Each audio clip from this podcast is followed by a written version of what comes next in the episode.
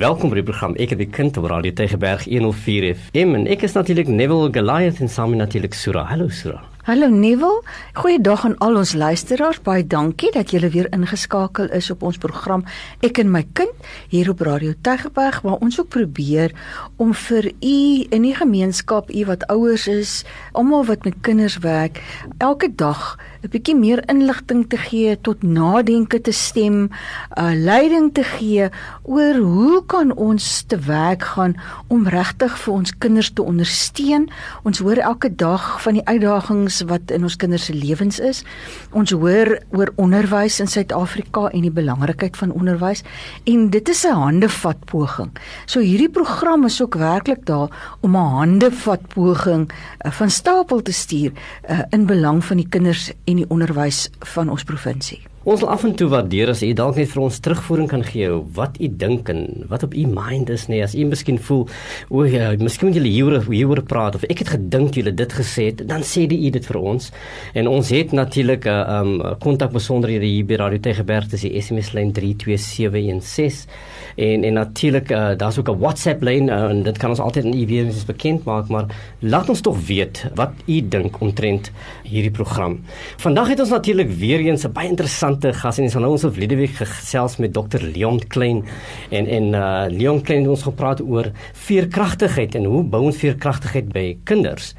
En vandag het ons in die ateljee 'n persoon wat seker baie bekend is en hy hy is meer as net een beskrywing. Hy is 'n man wat baie divers is en baie dinge al reeds in die lewe beleef het en dis natuurlik Dr Quentin Adams. Jy ken hom dalk as die shack builder, maar hy is ook 'n uh, opvoedkundige sielkundige. Hy is akademikus.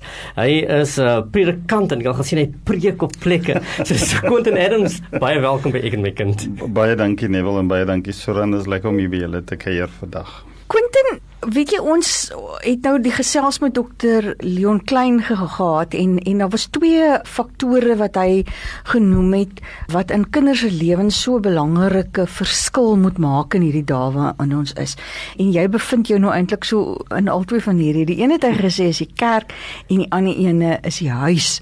Nou hierdie Shack Builder inisiatief van jou het nou al baie verskeie toekenninge opgelewer en ek dink dit is eh, ook reg dat jy al hierdie eer daarvoor kry want dis werklik 'n merkwaardige projek wat 'n groot groot verskil in mense se lewens maak. Maar wat beteken die projek vir jou? Kom werk jy aan hierdie projek? Ja, baie dankie. Eh, die die Shackbuilder projek begin is nou al ek is nou al betrokke daarmee vir die afgelope 18 jaar wat ek in informele nedersettings werk. Toe ek begin het as akademikus by die Universiteit Stellenbosch het ek altyd gewerk met kinders wat groot uitdagings het. Ons het gewerk met straatkinders, ons het gewerk met kinders wat getraumatiseer is. Totdat ek uh, hierdie seun ontdek het wat gediagnoseer was vir ADHD en toe vra ek vir hom neem my graag na jou huis toe want ek wil weet wat is sy huislike omstandighede. En toe neem hy my na 'n shack toe. En uh, dit is waar die proses begin het en ehm um, 3 jaar gelede was daar die grootste storm in die Kaap en toe ek daar die oggend ingaan, toe sien ek daar so sewe plakkersette wat platgevee is. Hulle dakke is verwyder. Dit is water, dit was nat. En ek kyk toe na die een familie en ek sê vir hulle ek gaan vir julle 'n nuwer plakkershet gaan ek bou. Voor daardie uh, oomblik het ek altyd materiaal gegee soos plate en sink en uh, plastiek en mense gehelp, maar toe begin ek fisies nuwe plakkers uit te bou. En wat vir my interessant was is dat vir die eerste keer het mense my regtig toegang gegee tot hoe dit daar binne lyk. En dit is groot ontdekkings wat ek gemaak het. Ek dink een voordeel is dat ek in die akademie is, so ek kon dit gaan analiseer, dat ek kon dit gaan ek kon literatuur gaan opsoek het om te verstaan wat gebeur daar. Maar die bottom line is dat dit is die haglikste omstandighede wat ek nog ooit in my lewe gesien het. Waar kinders bang is vir rotte in die aande, die mm. rotte baljaar in die in die huise van die rotte soos die ouers vir my gesê het, byt selfs die kinders se tweentjies in hulle mm. ore. En wanneer die, die rotte gaan vir die sagte weefsel oh. weefsel en dit is baie nat in die nag. Dan is dit dan natuurlik die reuk want meeste van die plakkers het het nie vensters nie. En as ons kyk na na Abraham Maslow wat hy sê is dat hy praat van die primêre behoeftes wat wat ontmoet moet word van kinders, maar hierdie plakkers uit projek of Shackbuilder projek het my kom leer wat gebeur as dit nie daar is nie. En ek het hierdie term begin ontwikkel, dan begin dit die onmensliking, die dehumaniseringsproses. Mm. Want ons almal, ek insluitend, het altyd begin by die laaste op, maar nooit van die laaste af. Af nie. En dit is waar Abraham Maslow en min mense Dit gemis het eintlik, nê. Nee. Ja, maar ja, maar ons almal is opgelê en jy gaan op. Maar wat gebeur as jy afgaan? Gaan. En dit is waar die onmenslikingsproses, die dehumaniseer, dehumaniseringsproses begin wanneer mense van hulle menswaardigheid gestroop word as gevolg van hulle onmiddellike omstandighede. En ek sal nooit vergeet nie eendag toe ons so 'n nuwe shack bou vir die vir een van die families te sê hierdie vrou ek voel nou weer soos 'n mens. Mm. En dit is wat waaroor hierdie projek gaan. Dit gaan nie net oor die bou van plakkersitte nie. Dit gaan oor die herstel van menswaardigheid. Van menswaardigheid is 'n fundamentele reg wat in ons grondwet opgeteken is. Hmm. Wat net nie uitgeleef word en wat net nie beskerm word as ons kyk die aard van die haglike omstandighede waarin mense en kinders woon in Suid-Afrika nie. Kon jy as jy die mense nou waarneem wie se mens wees menswaardigheid uh, as jy dit vir hulle teruggee wat beteken dit vir 'n mens wat weer eens mens word Ja, ek dink ons gee dit heeltemal terug nie. Wat ons wel begin doen is ons ons sit boustene in plek sodat die proses van die herstel van menswaardigheid kan plaasvind. hmm. Want een van die uh, aspekte waar wat gebeur is dat jy het hierdie stereotypes oor hoekom mense bly in plakkerskampe en uh, jy het die negatiefste stigmas wat jy kan kry wat hulle hang rondom hierdie mense. Maar waarmee ek baie te doen het en ek het elke keer daarmee te doen is wat ons noem komplekse trauma. Ja. Is dat hierdie mense is aan verskillende traumatiese ervarings in hulle lewensverloop Mm. blootgestel. Dit is nie net kritiese insident of prosestrauma nie, dis so Mm. baie en hulle noem dit komplekse trauma want jy kan nie dit pinpoint wanneer as te Mm. veel betrokke. En en dis hoekom dit belangrik is dat as jy die die huis begin te herstel. Ons was nou die laaste ene wat ons nou gebou het. As jy kan nie glo dat mense daarin bly nie. Ja. Jy, jy kan dit nie glo nie, die die die reuk want wat gebeur is daar is die vensters hier, so die die lug wat inkom, hy beweeg nie, hy hy hy begin te ryk, dan is dit die rotte se se mis, se urine wat daar lê. Ja. Jy kan dit nie sien nie, maar jy kan dit ruik. Nou al daai reuke, dis behalwe die potta potta wat lek en in die winter is dit nog erger. En dan sien jy daai reuke kombineer saam met mekaar. En en daarom het ons 'n term on, ontdek uh, 'n wetenskaplike term wat ons noem olf, olfactory fatigue, olfaktoriese yes uh, moegheid waar die mense so gewoond geraak het dat hulle nie meer dit kan ruik nie. Mm. Uh, dit is hoe mense koop daarmee, maar wat vir my interessant is is dat wanneer ons die struktuur bou en ons oorhandig die sleutel. Maar dit gaan veel dieper as dit. Dis mense Ja. wat 30 jaar op die waglys is wat wat nie glo as jy vir hulle sê dat ons gaan vir jou 'n 'n nuwe plek bou nie. En en en dan dan begin hoop weer herstel word. ja En die die proses van menswaardigheid wat dan begin as gevolg van Hmm. mense wat in 'n nuwe plek bly. En kinders, wat doen dit vir kinders as hulle in so 'n huis nou moet in nou intrek? Hulle het nou groot geword in Mm. hierdie omstandighede wat jy nou beskryf het en wat 'n mens regtig kan omskryf as onmenslikheid, nê, nee, en en en die wegneem van 'n mens se basiese menslikheid. As kinders nou in 'n ander huis ingaan, wat doen dit vir die kind? Ja, wat vir my interessant is, ek was nou onlangs met mense van Denemarke was ek in die plakkerskamp en toe ons terugry ons sê hulle vir my het jy gehoor hoe groot die klein kindertjies vir jou. Hulle stap daar verby en dan skree hulle hallo oom Quentin en hulle en jy kan sien hulle het nie die emosionele woordeskat of die korrekte woordeskat om dankie te sê nie, maar jy kan sien as 'n diepe Hmm. dankbaarheid. Ons het 'n projek gehad waar ons vir hulle hierdie plastiek boots gekoop het so 2 jaar gelede. Ek noem dit die Happy Feet projek. Hmm. En hulle kom met daai vuil voete daaraan met hierdie nuwe plastiek boots wat ons by Pep Stores. Ek het nog nooit kinders gesien so hop toe hulle dit aangetrek het nie. Ja, die skoene Veerkragtig raak, Die- nê. Dit, dit is Veerkragtig letterlike letterlike demonstrasie van veerkragtigheid. En toe ek hulle so sien, hulle spring op en hulle gaan te kere. Een van hulle het dit die skool toe geneem nie. Hulle hou daai skoene. Hulle dra dit ook in die winter want dit was vir hulle so spesiaal geweest. Hmm.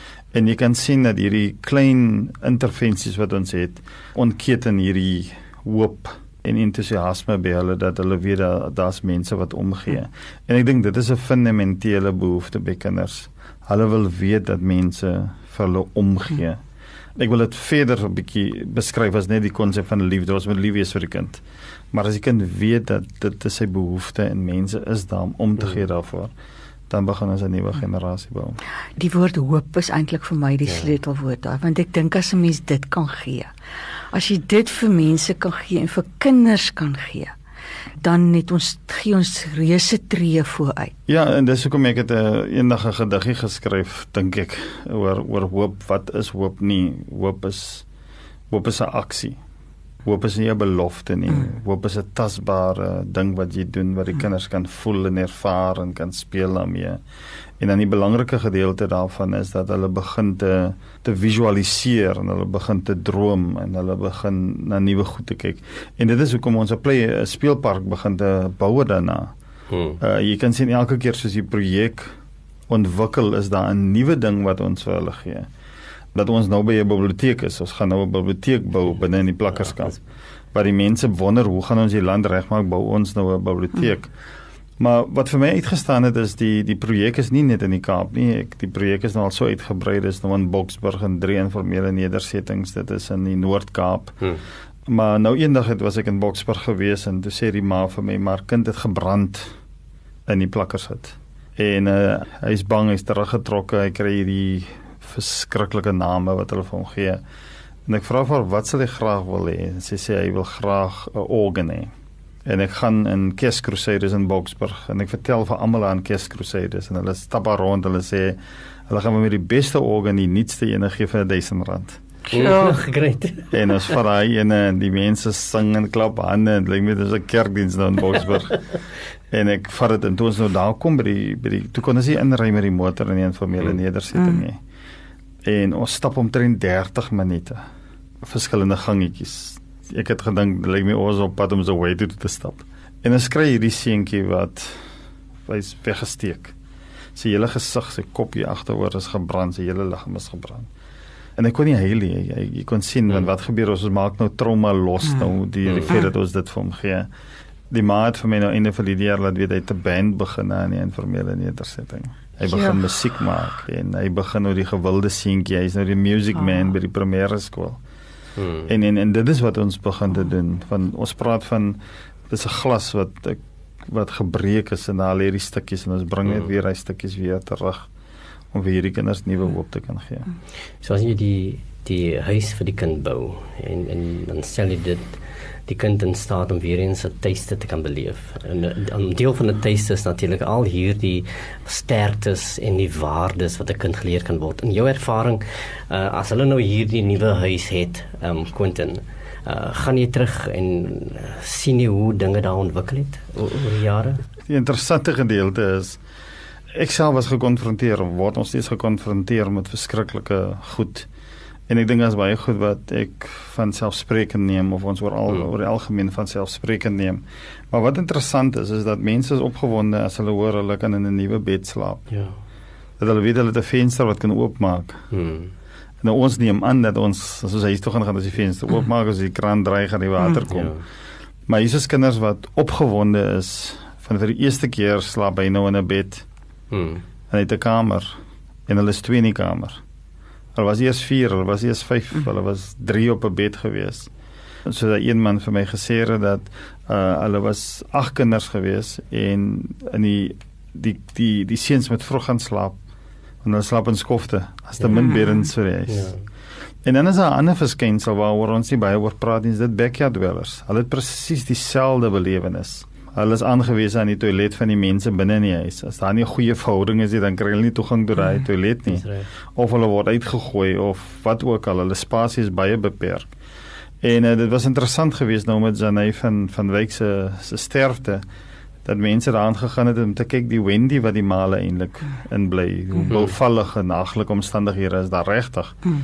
En dit is waarmee ons mense en ons kinders gekonfronteer word. So hulle is baie dankbaar wanneer daar vir hulle spasie gegee hmm. word. En hoe ons bou ook ons maak seker dat elke kamer het goeie vensters sodat daar ventilasie kan wees wat die uh, tuberkulose konsentraat hmm. afbring.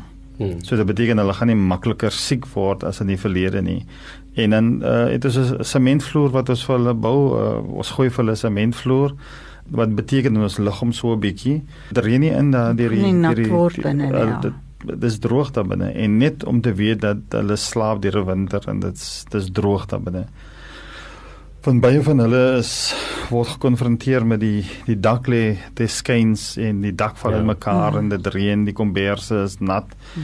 En dis hoekom jy hierdie respiratoriese probleme en siektes toes, toestande kry onder hierdie kinders.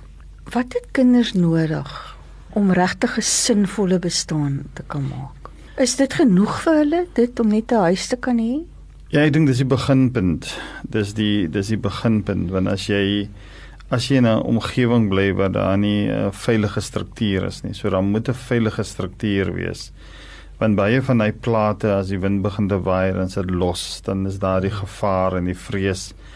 En baie van hierdie kinders sukkel met met enorese. Hulle sukkel daarmee. Hoe weet ons dit is wanneer jy ingaan en jy kry hierdie urine reuk ehm um, Mm. en dis as gevolg van die vrees wat op hulle uh, impakteer. En uh, ek het nou die dag gesê ek dink ons sal moet moet heroorweeg het hierdie kinders ADHD of het hierdie kinders posttraumatiese stresversteuring. En ek dink ons is so vinnig om in ADHD te hardloop Mm. dat ons dink nie aan die trauma en die Daai- ervaring wat hulle Daai het. nie. komplekse trauma wat jy nou En die van komplekse trauma waaraan hulle blootgestel is, byvoorbeeld as daar skote afgaan in die nag en jy bly in 'n sinkhok, dan gaan hy regdeur. Hmm. Daar's nie 'n muur nie. En ek dink vir my is die die veiligheid is die eerste die is die eerste primêre vertrekpunt dat jou kind moet weet daar's 'n veiligheid, dat ek is beskik. Uh, ek dink ons wat in huise woon ons ons is so gewoond daaraan want Mm. want want ons behoeftes is sekondêr op Maslow. Mm. Ja. Uh, en ons is ongelukkig omdat daai sekondêre Hmm. behoeftes in die toppunt wat dit nie bereik word nie, maar hierso sit jy mense wat hulle hulle beklei vir oorlewing. Hulle beklei vir oorlewing. En en en dis hoekom jy uh kry dat hierdie kinders is nie gemotiveerd nie, hulle Mm. selfbeeld is geskaad uh omdat hulle nie in 'n goeie huis bly nie en dit wat dit in die impak wat dit ook het op hulle. En dan die tweede gedeelte is dat wanneer jy ouers het wat nie aan hulle onmiddellike behoeftes kan voorsien Hmm. soos kos en ons kry baie vertraagde vertraagde groei standaard groei ja. Stand, Mm. mm. Ja, en dit jy sien dit sommer onmiddellik en jy sien die die die siektes wat die kinders opdoen. So dit is dit is baie erg vir kinders om in informele. Nou nou nou die probleem wat ek altyd het is dat wanneer ek mense neem na toe en die kinders kom en hulle lag en hulle dan meen die mense dis gelukkige kinders. Hulle is so gelukkig. Maar baie van hulle het nie kos om te eet nie. Hmm. En dan is hy bloedsuiker baie laag is dan raak hulle mos nou meer aggressief. En dit is 'n groot uitdaging vir hierdie kinders. En dan vir my die grootste bekommernis op hierdie stadium is volgens wat Statistiek Suid-Afrika sê is 5.3 miljoen kinders moet in voorskoolse sentrum wees. Daar's 2.8 is is in voorskoolse sentrums. 3.2 miljoen is nie daar nie. Ja. En en dit kan ons kan net dink die impak dit op die op die grootte van die brein en en breinontwikkeling nog voordat die kinders na skool toe gaan. En dit is al die uitdagings wat ons sien wat wat binne in die land en veral binne in informele nedersettings plaasvind. Nou, jou terrein is die opvoedkundige sielkunde. Dink jy ons onderwysers is bewus van hierdie situasies in die lewens van kinders en die effek wat dit op kinders het? Ja, ek dink of laat ek sê ek is skuldig daaraan dat ons vir 'n lang tyd toegelaat het dat die dominante gesprekke in onderwys net sentreer rondom die kurrikulum. Mm. Dit is net kurrikulum en kurrikulumverandering. Maar jy kry kinders wat getraumatiseer is, jy kry kinders wat uh uitdagings het in opsigte van voedsel, jy kry klomp uitdagings. En ek dink dis waar die opvoedkundige sielkunde kinders faal, want ek dink ons moet baie meer prominenter begin raak het om te sê dat jy jy het 'n psigologiese sterkend het jy nodig. Jy het nodig 'n kind wat emosioneel deur sy ontwikkelingsvlakke beweeg het en ek dink dit is waar ons groot werk nog moet doen ten opsigte van want die die klem is te groot op die die kind die klem is te groot op die op die kurrikulum en te min op die emosionele psigososiale ontwikkeling van die kind en ek dink dit is waar as ons kyk na julle het nou met Leon gepraat oor oor veerkragtigheid daar word absoluut min werk gedoen Hmm. oor veerkragtigheid veerkragtigheid eh, word as 'n teoretiese Mm. konsep beskou. Ek het nou die uh, snakes and ladders begin gebruik met die kinders in die informele nedersetting om te sê wat is die slang of speel hy games? Hmm. Uh, wat 'n Wat is die slang wat jou insluk? Wat is die slange wat wat is jou jou byt? leer wat jou boontoe vat? wat is die leer wat jou vorentoe vat en dan ekstrapoleer ons daai beginsels buitekant en sê wat is dit wat is die slange Ja. wat jy kan kan vat en so aan. En ons gebruik hierdie bord as 'n terapeutiese Hmm. tool Ah. Om veerkragtigheid met die kinders te te fasiliteer. As die slang jou gepik het, hoe voel jy? Wat moet jy nou doen? Uh, Hmm. Maar weer die dice Ah. gooi. Jy Ah. die game is nie klaar as jy nie tot die 100 gekom het nie. Wat maak jy met die laaste drie slange wat daar is? Hmm. Wat maak jy met die grootste slang wat op 87 is? Hy wag vir jou en sommige kere kry jy hom nie, sommige kere kry jy net die leere. Ja. Uh, jy is 4 en dan kry jy die een ouetjie wat geen slang kry nie, dan kry jy Ja. aan een wat net Ja. slange kry. Ja. En, en hoe voel jy oor daai ander ouens wat wat Ja. lere gekry het maar jy kry al die slange? Ja, en en dit is die goed wat wat ons moet losmaak met hierdie kinders en dit is die rol van die opvoedkundige sielkunde om daai proses van ontwikkeling te optimaliseer vir vir kinders. Weet jy Quentin, jy verrig 'n enorme taak. Ek bedoel jou invloed is so wyd dwars oor die hele land waar jy gemeenskappe aanraak en en merkwaardige veranderinge bewerkstellig. As ons gemeenskappe kan kry om mee te werk, om dit te doen wat jy doen. Hoe kan gemeenskappe betrokke raak by inisiatiewe soos wat jy landwyd doen? Ja, daar's 'n interessante ene wat ons doen is dit uh, my groot bekommernis behalwe die ander goed is die is die klomp shacks wat afbrand. Daar's nou onlangs in Parel is daar vyf plakkers sitte wat uitgebrand en die interessante ding van 'n plakker sit wat hy uitbrand. As hy uitbrand dan brand hy alles uit. Hy Hmm. brand jou ID dokument, hy brand jou klere, hy Yes. brand Hmm. Hy bietjie wat jy nog het word heeltemal platgevee. En ons het 'n projek begin waar ons gebruik solarlampe. Interessant is dat die kersse is een van die grootste probleme Mhm. uh, Ja. in in uh en shack fires en dan man, behalwe die solarlamp is ook dat die solarlamp help vir die kinders in die aand kan jy huiswerk doen. Yes. En Al is dit load shedding. Al is dit load shedding. Ek het 'n reeks van watter beste en goedkoopste solarlampe jy kan kry. En dis interessant hoe gewone mense dit vra hierdie Mm. solarlampe. En ek dink dis een van die goed, maar ek dink daar dit gaan oor die die investering wat ons moet maak in kinders se lewe. Hoe meer ons dit kan besef, Mm. of dit nou boeke is wat ons uitdeel of dit nou kombers is wat ons kan uitdeel. Julle is bekend met die sielkunde en julle weet dat as 'n kind voel hy behoort nie iemand het nou vir my gister 'n stelling gemaak toe sê hy die die persoon is iewers maar ons weet nie waar nie. Toe sê ek dis interessant solank hy iewers is. iewers is ook 'n plek. Ja. maar die die die skade wanneer 'n kind voel hy behoort nie. Hy's nie deel van 'n stelsel nie. Daar's nie 'n identiteit nie. Uh daar's niemand wat omgee nie. En dis hoekom ek al hoe meer praat van deelnemende verantwoordelikheid wat ons moet begin neem because it takes a village to raise a child. En hoe kultiveer ons Ja. daardie konsep. So ek het 'n 'n tannie gehad wat sulke caps missies brei vir kankerpasiënte. En sy sy brei omtrent ek dink 'n week. En sy het daar aangekom en gebel en sy het 'n boks gebring. En sy sê wil dit vir die kinders gee want sy dink dit is omtrent dieselfde uitdagings wat die kinders het in die plakkerskamp. Hmm. En die die ontvangs van hy missies. Ek het 'n ander tannie gehad van uh, Port Elizabeth, tannie Ronnie, sy is 76 jaar oud. Er vlieg op Kaap toe om vir my te kom wys hoe lyk die beste kers wat ek kan gebruik en hoe jy dit kan. Hmm. So ons kan deur middel van klein goed kan ons seker maak dat daai mense weet hulle behoort. Soos een persoon gesê het in die biopolitics of abandonment is that we we feel that we don't count. Hmm. En as ons daai behoort aan kan ondersteun met praktiese aksies, dan dan kan ons begin met hierdie proses van herstel. So baie werk, so min mense wat daarbey betrokke is. Ons hoop dat elkeen van julle wat vanaand geluister het, dit sal aantrek, sal rondkyk in julle gemeenskappe. Hoe kan julle begin om te huise te bou waar mense en waar kinders veral menswaardig sal voel en waar ons hoop gaan gee. Baie dankie Quentin vir dit wat jy dit het my weer baie diep laat dink Mm. ook in terme van daar waar ek besig is om te werk en die boodskap wat ek daar moet gaan uitdra. Verskriklik baie dankie vir dit wat jy doen vir ons mense en vir die kinders van ons gemeenskappe en vir dit wat jy vanaand met almal gedeel het. Baie dankie en baie dankie vir julle twee en dit was lekker om saam met julle te kuier. Totsiens met ons.